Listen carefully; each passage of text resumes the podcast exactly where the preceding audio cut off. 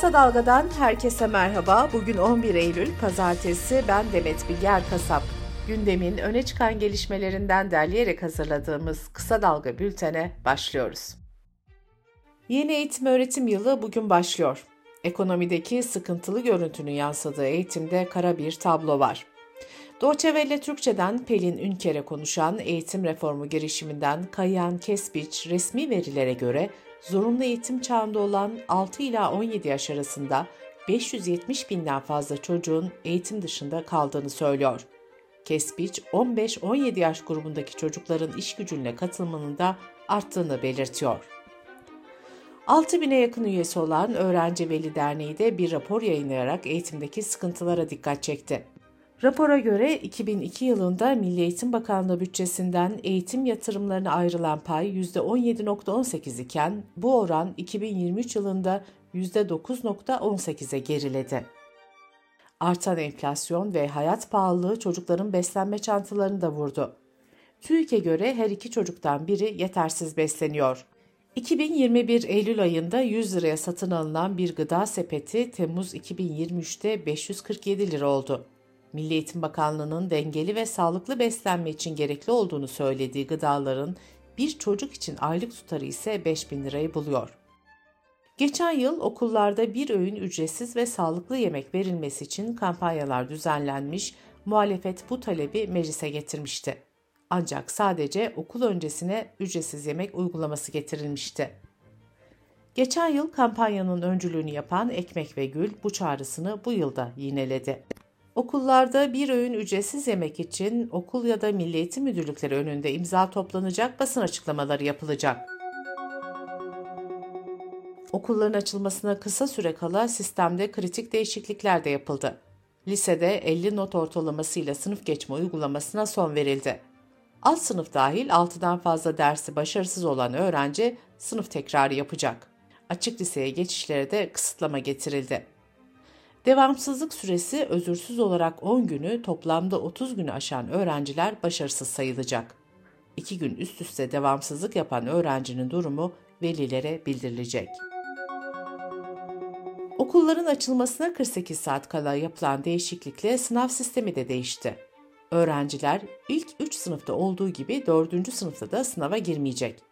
Ortaokul ve liselerde ise sınavlar aynı tarihlerde ve merkezi olarak yapılacak tüm öğrencilere aynı sorular sorulacak. Eğitim uzmanı Ali Taş'tan Bir Gün gazetesine yaptığı açıklamada bu adımın olumlu ancak yetersiz olduğunu söyledi. Ali Taş'tan 5. ve 6. sınıfa kadar olan sınavlarında kaldırılması gerektiğini belirtti.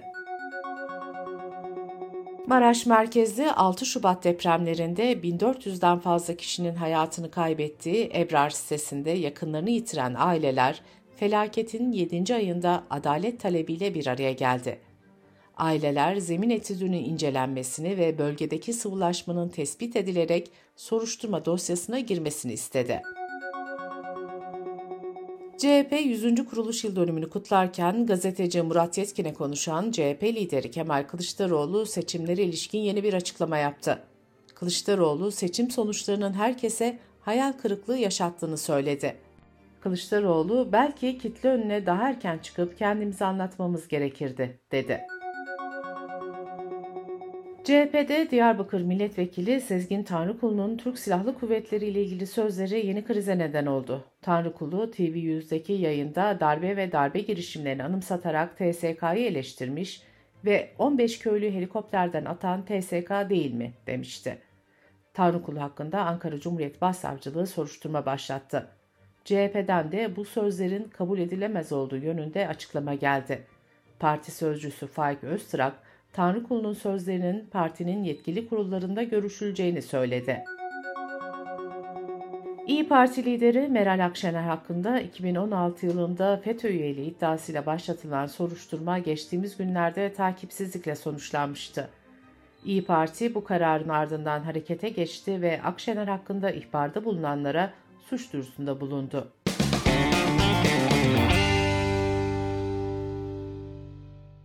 Kısa Dalga Bülten'de sırada ekonomi haberleri var.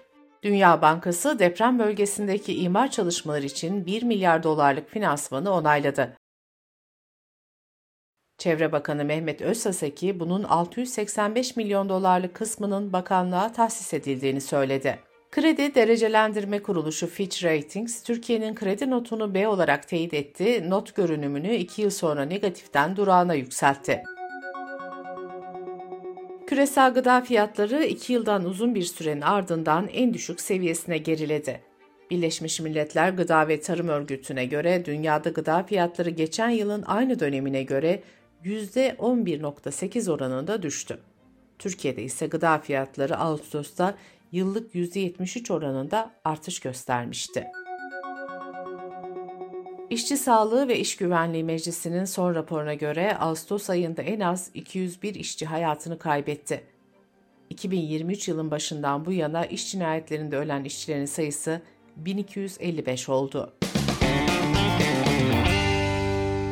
Dış politika ve dünyadan gelişmelerle bültenimize devam ediyoruz. Fas'ın Marrakeş kentinde meydana gelen 7 büyüklüğündeki deprem büyük yıkıma neden oldu. Hükümet depremde can kaybının 2000'i aştığını duyurdu. 2000'den fazla da yaralı var. Hindistan'ın başkentinde yapılan G20 zirvesinde liderler ortak sonuç bildirisi üzerinde uzlaştı. Bildiride tüm ülkelere toprak kazanımı için güç kullanmamaları çağrısında bulunuldu.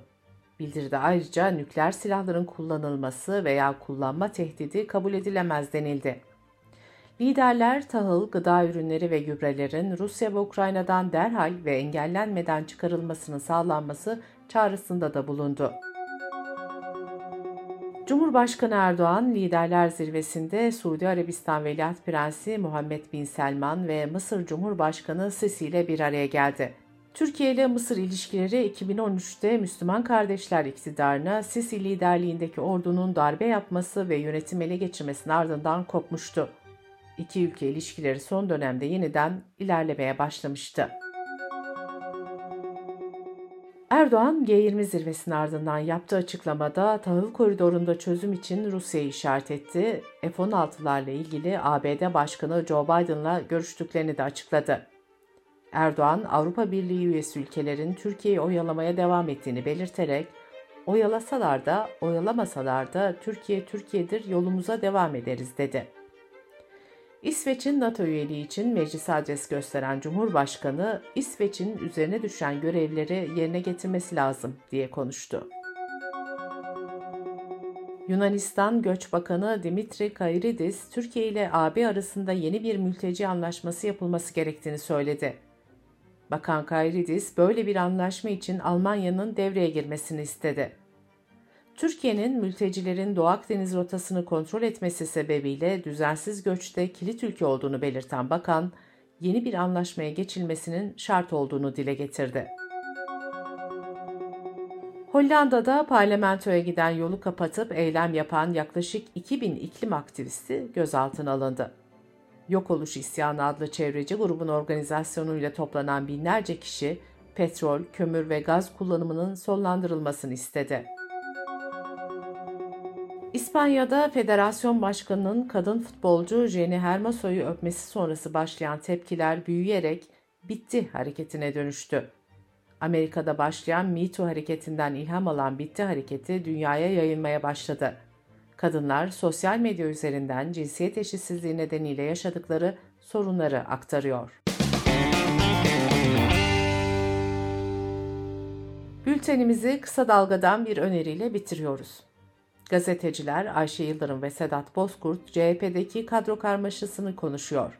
Politik Esti kısa dalga.net adresimizden ve podcast platformlarından dinleyebilirsiniz.